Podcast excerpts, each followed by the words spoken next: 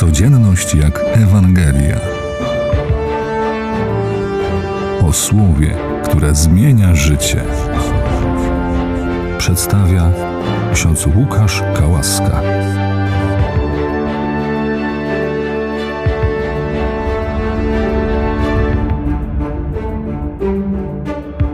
Dziś słyszymy Chrystusa, który napomina faryzeuszy. Bardzo często słyszymy tę Ewangelię o tym, że faryzeusze byli zewnętrzni, byli hipokrytes. To słowo pochodzi od aktorów, którzy grali w kulturze greckiej, grali w teatrach greckich i zakładali na siebie maski, byli zewnętrzni.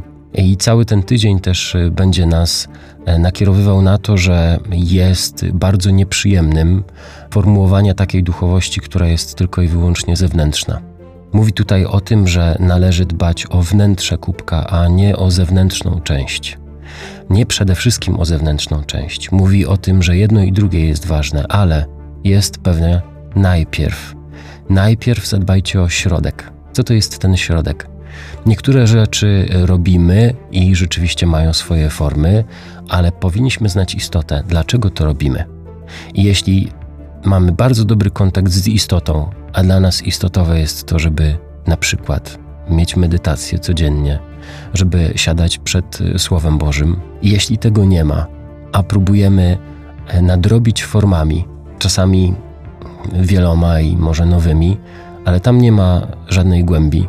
Tam nie ma też tego, o czym Chrystus w dzisiejszej Ewangelii mówi, że składacie wiele zewnętrznych rzeczy i modlicie się do mnie, ale pomijacie ludzi, pomijacie miłość.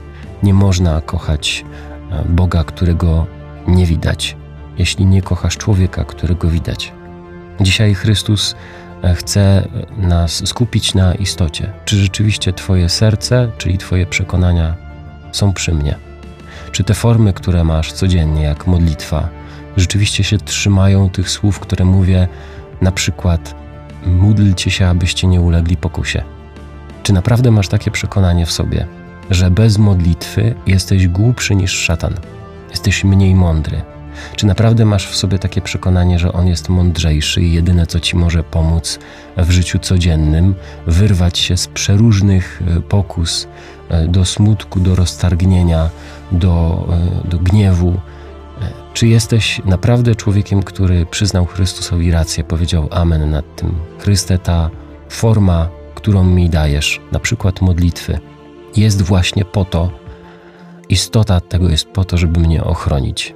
Naprawdę potrzebuję lekarstwa codziennie, bo codziennie jestem chory. Tak mówił święty Augustyn.